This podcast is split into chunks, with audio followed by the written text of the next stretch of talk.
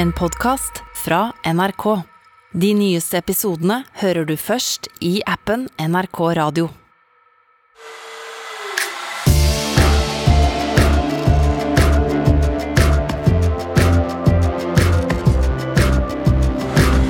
Siden Jonas Gahr Støre tok over som statsminister, så har det vært mange kriser. Eh, Hvordan er det egentlig for han å styre akkurat nå? For nå er det mye. Og forskere har klart å reversere aldring hos mus. Kan vi mennesker snart få evig liv? Jeg heter Ole Klevan. Og jeg heter Fanny Odden. Dere hørte ikke Rima Iraki sitt navn. Det er fordi at hun dessverre denne uken er borte. Så Borte? nå er det oss i studio. Da er det bare oss, Fanny. Og det er kjempekoselig, det òg. Ja, ja, Så det skal, det skal man ikke man skal, Altså, man skal ikke se på det. liksom. Nei, kimse av det skal man ikke. Nei. Vi har vært alene før, vi. Altså, eh, i studio. Altså, ellers så ja, Herregud. Ja, ja. det har vi. Ja, det er bra, det. Vi skal jo også ha quiz eh, i dag, selv om ikke Rima er her. Ja. Så Trude skal jo quize oss. Det kommer jo på slutten av episoden, som alltid. Produsent Trude quizer deg og meg. Intern kamp mellom oss to i dag. Ja. Og da får vi litt oversikt over andre ting som skjer i nyhetsbildet. Og det er hyggelig å avslutte med quiz når det er mye som skjer ellers som ikke er så hyggelig. Ja, absolutt. Ja. Det er 100% Sakene vi skal gjennom i dag, er eh, dette her. Det som gjør oss nå så berørt, er at det skjer fullskala krig i Europa, som får store konsekvenser for nordmenns daglige liv. Nå er det jo vært og er ganske mange kriser på én gang. Og da kan man jo spørre seg selv hvordan er det da å styre et land eh, som har det på den måten, Ja, og som opplever eh, mye for, forskjellig. Så derfor skal vi prate litt om hvordan det er for regjeringen og Jonas Gahr Støre eh, å, å styre nå, og hva det er de eh, tenker på å gjøre fremover. Ja. Og så skal vi innom Eternal life. Den var ikke så veldig dum. Den syns jeg ble bra, den lyden der. Takk, den har jeg lagd og kost meg med på mitt lydkokeri. Ja, Nei, men Vi skal jo snakke om at forskere nå har klart å reversere aldring i mus. Eh, og da er det sikkert eh, noen som tenker nå går det med mus, når skjer det med mennesker? Så vi får se litt på det.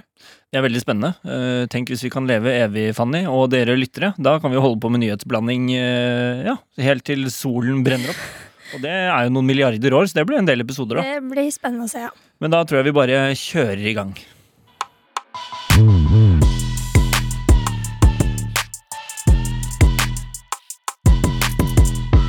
Siden Jonas Gahr Støre tok over som statsminister i oktober 2021, eh, så har det vært en ganske blytung start for regjeringen og for statsministeren. ja jeg syns litt synd på Jonas. Ja, ja men han er statsminister, så er- sånn ja. er det bare. Ja, ja. Eh, Men først var det jo Og det, er sikkert eh, noe av hans feil her. Altså, det, bare, det kom mye på løpende bånd etter at han tok over, så det var tung start. Først var det jo ny omikron-nedstengning. Mm. Så fikk vi skyhøye strømpriser. Så invaderte Russland Ukraina. Det blir krig i Europa som påvirker alt. Ja, ja, ja. Eh, som da også for eksempel bensinprisen, som nå er kjempehøy. Ja. Eh, og han må styre landet i denne krisen, samtidig som han selvfølgelig egentlig har lyst til å få til masse politikk som han lovet i valgkampen, og vise hva slags leder og politikk han er å stå for. Ja. Eh, og så vi her eh, hjemme får jo nå en krig og en krise som eh, Altså plutselig så opplever vi ting som berører oss i dagliglivet. Ja. Eh, det er litt nærmere eh, disse krisene her enn vi har opplevd tidligere. ja, det er mange som sikkert eh, føler mye mer på det når det plutselig er i Europa, enn når det er eh, ikke i Europa. Ikke sant? Det er jo faktisk naboer øh, Jo, men det er sant, da. Ja. Eh, Det er jo faktisk nabolandet vårt, Russland, som har invadert et annet land. Eh, Det er en atommakt. De har atomvåpen. Folk er redde for atomkrig. Folk, folk er redde for at Norge skal bli godt? Ja, sorry. sorry. Unnskyld. Unnskyld, jeg sklei på en sånn greie. Det så helt dust ut. Nå, nå var du inni deg godt. ja, det går fint. Eh, Det er jo faktisk nabolandet vårt, Russland, som har invadert og er i krig med et annet land. Eh, Det er en atommakt. De har masse atomvåpen. Flest i verden, faktisk. Det er helt sikkert Jeg tror det, det der med atomvåpen er det som sikkert skremmer mest folk. Fordi det så fort kan gå så veldig langt. Hvis Ja, det bare begynner. Vi har jo snakket om det, vi òg. Ja. Man, man blir jo skremt av det selv. Kan det bli atomkrig? Eh, og Ellers bare kan Norge bli involvert i krigen. Ja. Eh, og når det er sånne kriser som nå, og krig, hvor, som, eh, som vi kjenner på Mm. og, og, og berører oss, så føler jeg på en måte at det er litt naturlig at man da snur seg til lederne og de som styrer, og er litt sånn eh, ja, Men herregud, hvem ellers skulle vi snudd oss til? ja Nei, er ikke er sant? de som Nettopp. sitter på informasjonen i landet vårt og skal styre. Selvfølgelig er vi sånn Ok, eh, da er det på tide å legge fram en plan her. Ja, ikke nettopp. Og du snur Ja. sånn, hva er planen? Eh, Ja. Skal vi, trenger vi å være redde, liksom? Ja. Og hva skjer fremover? Og så har jeg tenkt litt på, det må jo være da for eh, statsministeren spesielt, da. Eh, ikke bare skal han på en måte prøve å løse opp i disse tingene, men han skal eh, samtidig da gi informasjon til oss og prate til oss om hva planen er, og Ja. hvordan vi kan føle på dette her. Og det er det, da. Jeg har lyst til å, selv om vi hører fra politikerne daglig, så er liksom det behovet for å føle seg litt inkludert og få god informasjon og Mm. finne ut hvordan, eh, hva som skjer, eh, det behovet er stort. Ja. I tillegg til at man kan tenke på hvordan er det for eh, Jonas Gahr Støre og for de på toppen, hvordan er det for dem å styre nå? Eh, så derfor eh, jeg hadde lyst til å prate med Jonas eh, direkte om dette. Eh, så jeg tok eh, kontakt med statsministerens kontor og spurte Jonas bli med i nyhetsblanding, da, og si hva planen er, og hvordan det går å styre om dagen. Da fikk jeg svar tilbake fra kommunikasjonssjefen. Hei, Ole. Statsministeren har svært mye å gjøre for tiden, og får dessverre ikke til dette. Beklager så mye. Ja. Eh, Jeg skjønner at han har litt dårlig tid, så jeg gadd ikke noe mase noe mer. Nei. Men han tok seg tid til å være med på Debatten eh, forrige uke, eh, for å snakke litt om hvordan det er å styre akkurat nå, og hva planen er videre. Og da fikk han et spørsmål helt i starten fra Fredrik Solvang, litt om hvordan Jonas ser på verden. Så tenkte vi kunne høre på svaret hans der.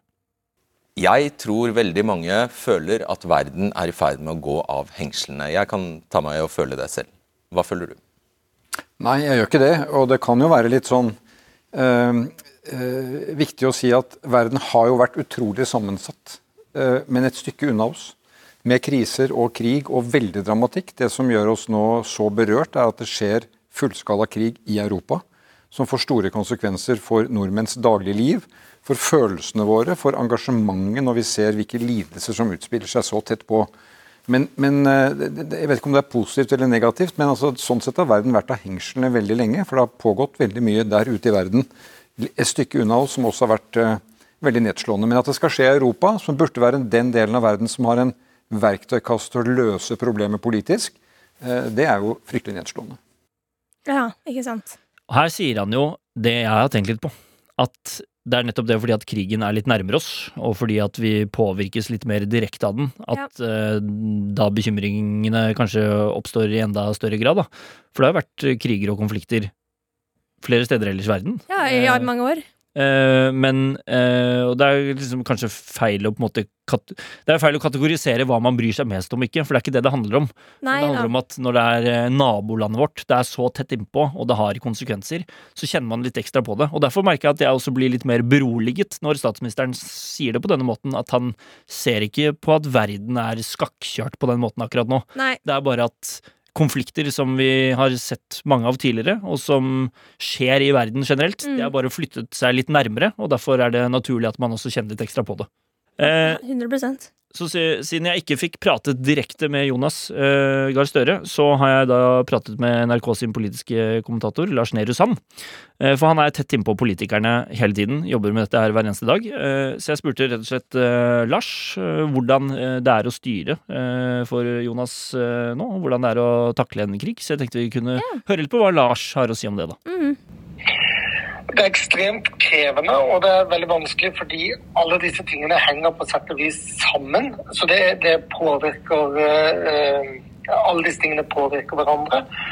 I tillegg så blir det ekstra vanskelig av at nå går nyhetsbildet veldig fort. Eh, Så det blir ekstra stort press på regjeringen om å raskt komme med svar på veldig vanskelige spørsmål, uavklarte ting. Eh, Så jeg tror det er veldig uoversiktlig. Og så kommer dette, alt det som må ordnes og alle brannene som må slukkes, kommer på toppen av det regjeringen selv jo gjerne vil gjøre. Så noen statsråder og mye av statsministerens tid går nå med til ting som som handler mer om å håndtere en krise enn å levere på det politikerne har lovet velgerne at en ny regjering skal gjøre. For statsministeren og for de på toppen, så er det jo eh, veldig mye av det her det dreier seg om akkurat nå. Ja, det stjeler jo litt fokus, naturligvis. Ja, og de hadde jo en budsjettkonferanse forrige uke, der de prater om budsjettet de skal lage for 2023. Ja. Og da er det jo litt sånn, ok, hvordan skal vi eh, prioritere pengene for året som kommer? Og det er jo ganske vanskelig for en regjering å nå skulle planlegge for noe langt inn i fremtiden, når ja. det er såpass mye som nå skjer og endrer seg over kort tid, da. Ja, det, det er faktisk utfordrende, ja.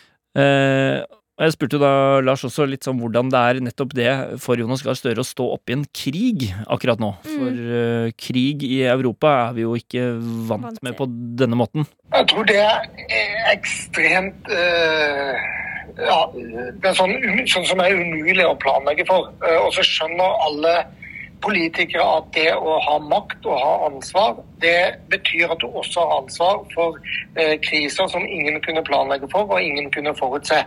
Eh, og ingen vet hva den neste krisen vil være. Men det at det skjer så mye uforutsett samtidig, og som får så store konsekvenser, eh, det eh, tror jeg bare bidrar til et ekstra alvor. Men det blir selvfølgelig også ekstra mye mer å gjøre for en regjering eh, rent operasjonelt. Eh, Og så tror jeg det gjør at, eh, at jobben kanskje føles også enda mer viktig og alvorstunget og meningsfull for en politiker som jo ønsker å bidra til at verden blir bedre og at livene blir enklere for, eh, for alle i Norge. Som Lars sier, det er nok ganske alvorstungt, og jobben føles nok ganske Ganske alvorlig og viktig Mm. når det er eh, sånne situasjoner som det her, da. Ja.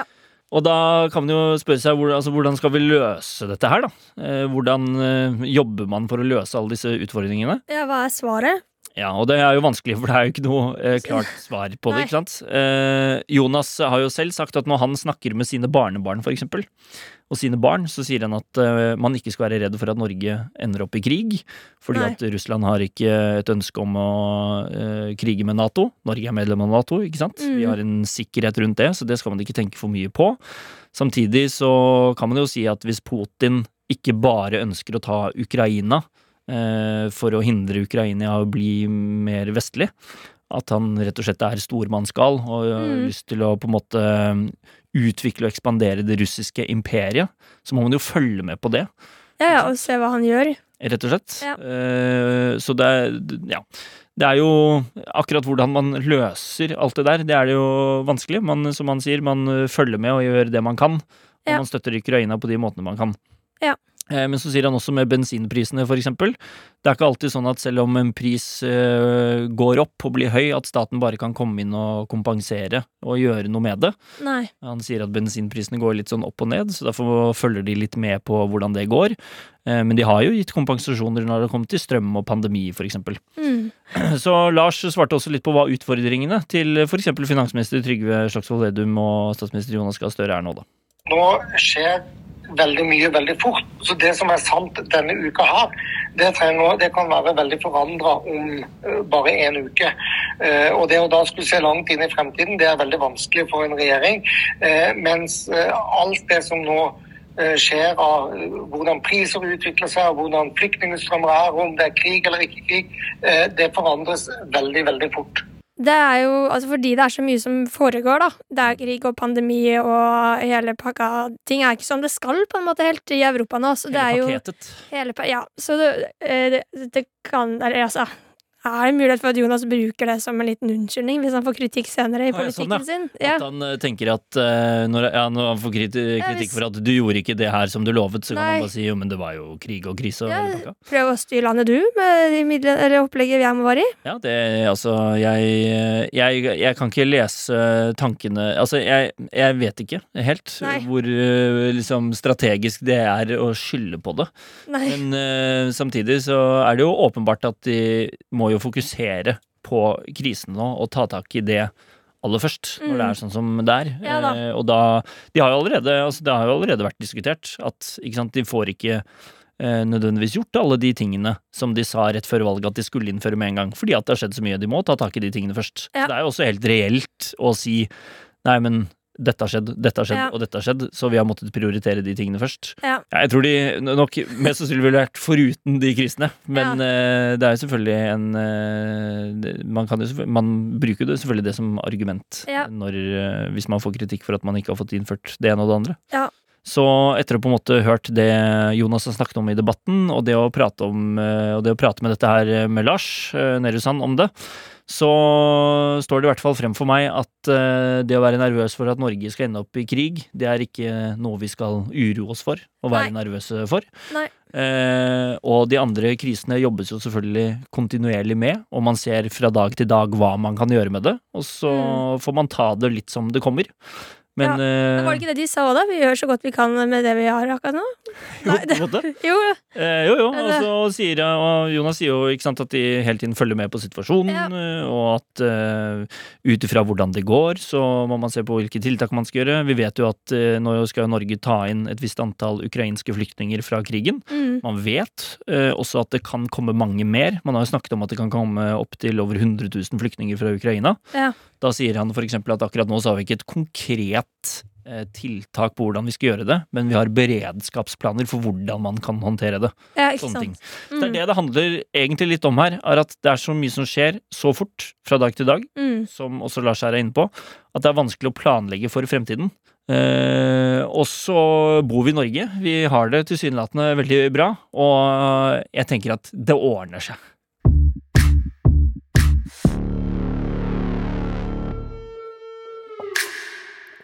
Det skjer jo ting på forskningsfronten. På eh, den gode, gamle forskningsfronten skjer det ting. gamle Ja, men det her er sykt, eh, faktisk. Fordi den måneden her så kom det ut en ny studie fra USA eh, om at det er en gruppe forskere som har klart å reversere aldring i mus. De har tatt noen, tatt noen mus, og så har de brukt genterapi.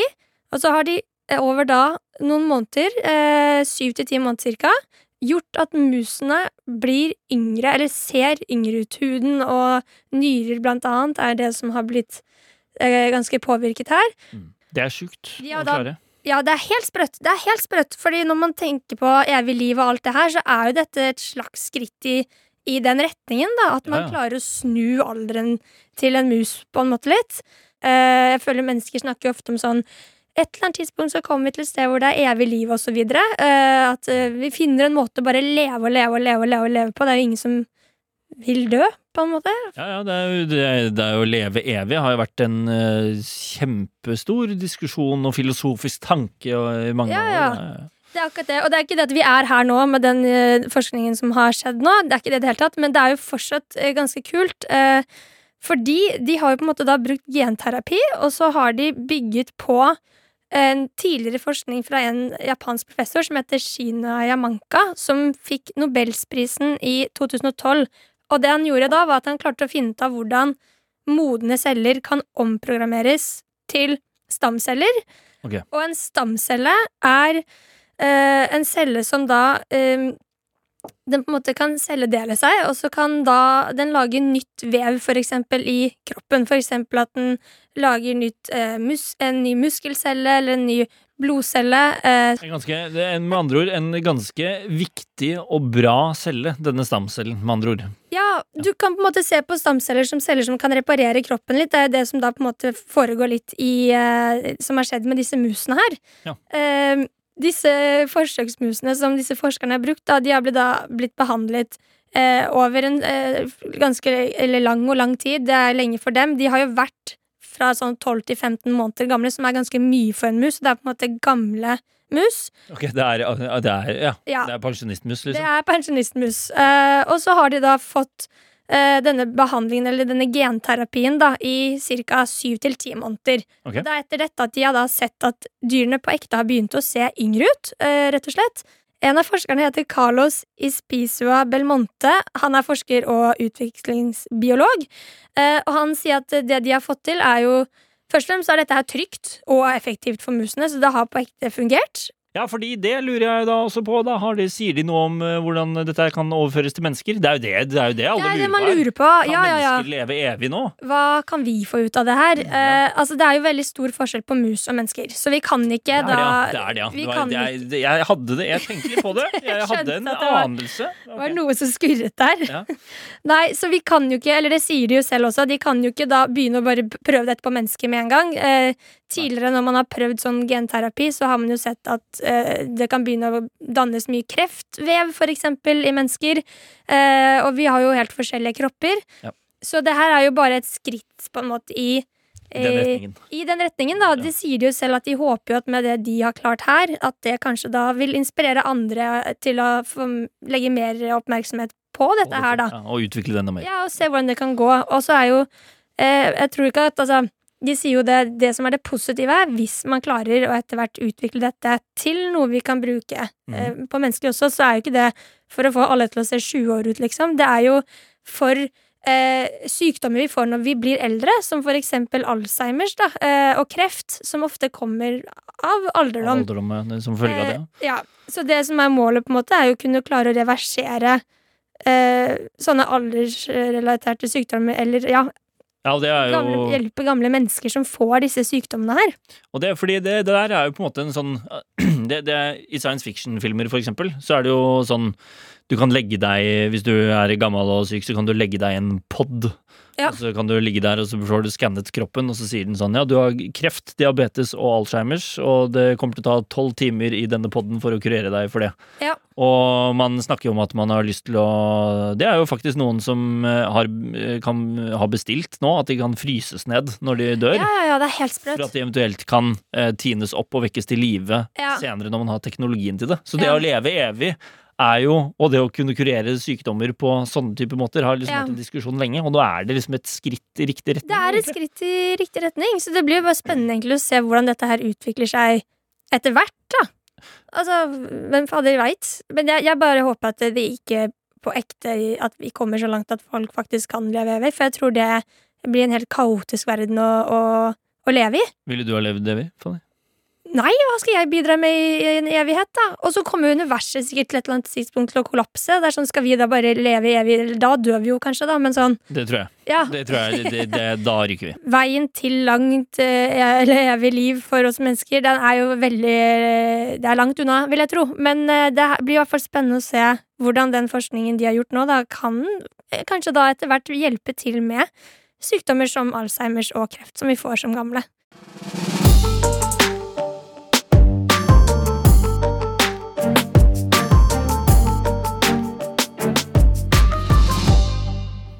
Ja, da er det klart for uh, quiz. Quiz. Yes, endelig. Og uh, Trude, produsent, hallo til deg. Hei. Du skal ha quizen, siden Rima ikke er her.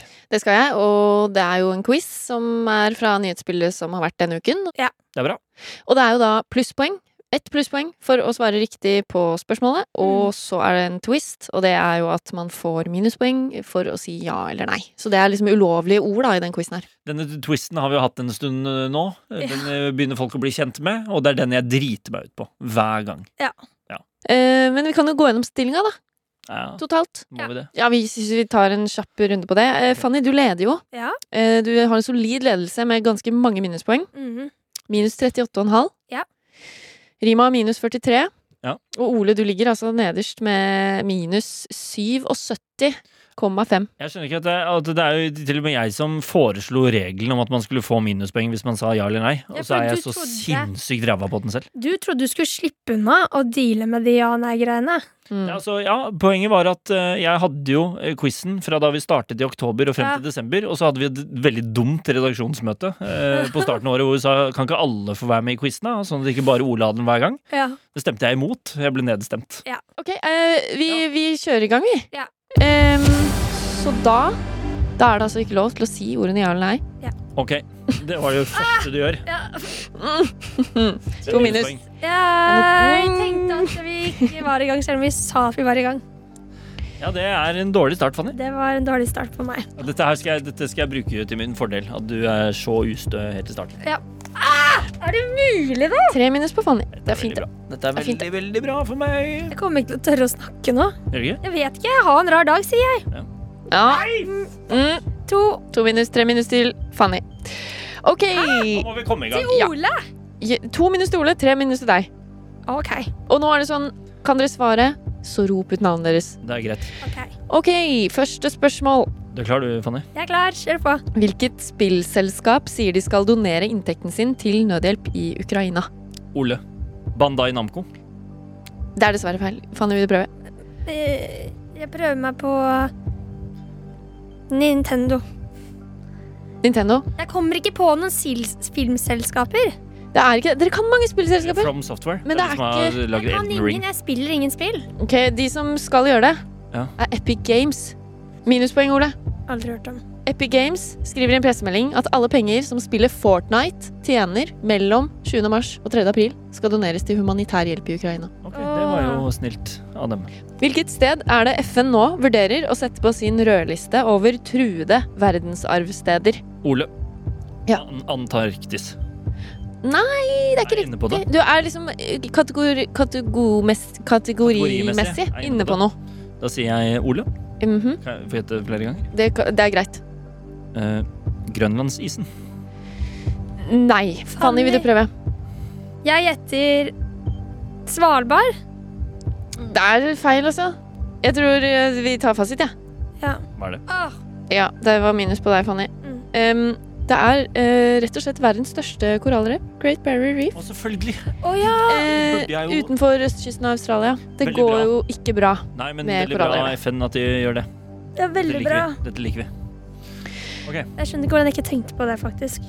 Nei. Jeg bare tenkte at det hadde gått dårlig lenge, og at det var noe annet nå. Hvem sier at han vil gi 500 millioner kroner til Kanye West og Pete Davidson hvis de to stiller til boksekamp mot hverandre, ifølge TMC? Ole. Fanny. Jeg sa Ole først. Ok, Ole, du svarer. Det er vel han uh, Jake Paul eller noe? Fanny Logan Paul. Jeg aner ikke. Det er Ole som har riktig. Det er bokser.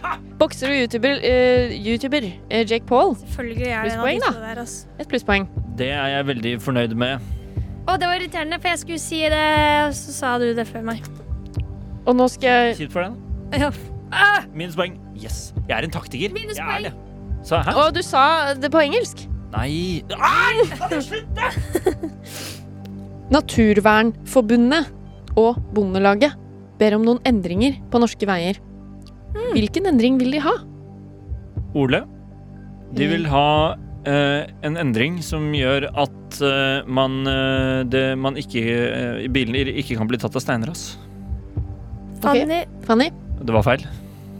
det var egentlig det jeg tenkte, men siden du har sagt det, sier jeg da at de vil ha um, sikrere vei for elg og kyr. De har rett og slett sendt et brev, eh, og de foreslår at eh, nye motorveier bør ha en fartsgrense på 90 km i timen, ikke 110, sånn som mange veier allerede har nå. Oh. Altså, de vil rett og slett ha lavere fartsgrense på veiene, okay. ifølge Dagsavisen. Jøss. den er grei. Så sånn sett, eh, du får ikke poeng for det, Fanny. Det vil jo kanskje bli litt tryggere for elg og kyr, Det blir jo det. men eh, Mm, Et kvart poeng, kanskje? nei.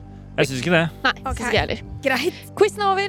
Ja. Dere kan endelig si ja eller nei. Deilig. Yes. Takk. Jeg skal regne det. litt. Dere må chit-chatte. Det er jo Ja, jeg Ja, ja. ja, syns ikke du var så sterk i dag, jeg, Fanny. Nei, men det er jeg sjeldent på Ja. quizen.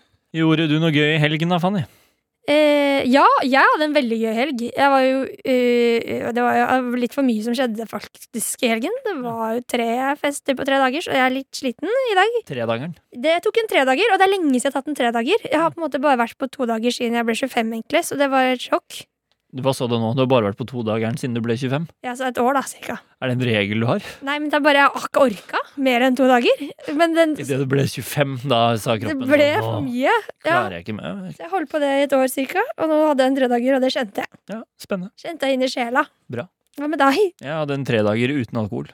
Det er ikke så veldig Fresh- imponerende. Det fresh har de fleste hele tiden, egentlig. Ja, jeg vet det. Så jeg pleier å kjøre eh, firedageren. Så er det tre dager. Ja. Ja, sant? bra, bra smalltalk. Da da er det poeng. Ok, Takk for bare det. legg det på så jeg vet det er dårlig. Ole. Ja. Ett poeng fikk du. Det syns ja, Ok, ja, jeg tror jeg fikk mer. Men greit. Du fikk et, eh, ett poeng, og så fikk du da ni minuspoeng. Æsj. Ja, så du ender på minus åtte. Ja. Fanny, du fikk ingen poeng, Nei. men du fikk fem minuspoeng. Æsj, du vant, da! Jeg vant igjen. Du vant. Ja. Eh, og samla, Ole, nå begynner det faktisk å se ut som du kan nå eh, minus 100. Det er målet mitt. Det Det er er, ikke mitt. Jo, men det er, det er ikke langt unna nå. Hvis det skjer, så skal vi feire det. Ja, det er minus 85,5, så du er nærmere 100 enn noen gang. En episode til, så hvis du ryker skikkelig på den episoden, så kan du komme deg til 100 bare da. Så, Ja, neste uke, liksom. Det er ikke stilig. Da. Hva Ja. Fanny, hva er Fanny på totalt da? da? Hun har den imponerende scoren minus 43,5. Ja. ja. Bra. Nice. Supert, det går fint for meg. Kult. Ok, håper eh, dere har kost dere med episoden, og kanskje hvis vi er heldige, eller uheldige, så kan vi kanskje leve evig etter hvert. Ja, vi får se. Det blir spennende å følge med på. Mm. Eh, hvis dere liker å høre på Nyhetsblanding, anbefale oss til en venn, og dere kan sende inn ting dere lurer på eh, i nyhetsbildet til nyhetsblanding.nrk.no. Eller så kan du sende en DM til oss Insta, på ja. Instagram, eh, Ja, ja. til Rima, Fanny eller meg. Kan også sende til NRK Nyheter på Snapchat. Det er mange muligheter. Benytt eh, dere av de mulighetene der. Ja. Eh, vi gleder oss til neste uke. Da er vi sterkt tilbake. Fanny, hva skal du i helgen? Eh, Jeg skal eh, Jeg vet ikke helt. Nei vel, okay. ikke jeg heller. ha det det. bra!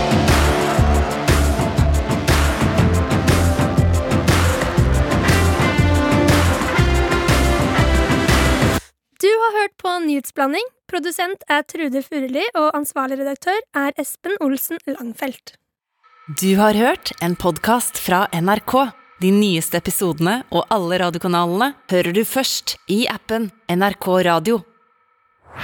Hva har skjedd i løpet av natta? I appen NRK Radio samler vi alt du trenger for å forstå Ukraina-konflikten. Jeg syns det var nok fra før, og så kom det bare enda mer oppå der. På et busstopp i Ukraina klamrer en far seg til den lille datteren sin. Hver dag skjer det ting som påvirker oss. Vi stiller spørsmålene og forsøker å forstå. Vi må tilbake til de gamle grekerne for å forstå begrepet oligark. Hvorfor det? Det er heftige greier. Last ned appen NRK Radio og finn ut hva som ligger bak alle overskriftene fra Ukraina. NRK Radio. Vi hører sammen.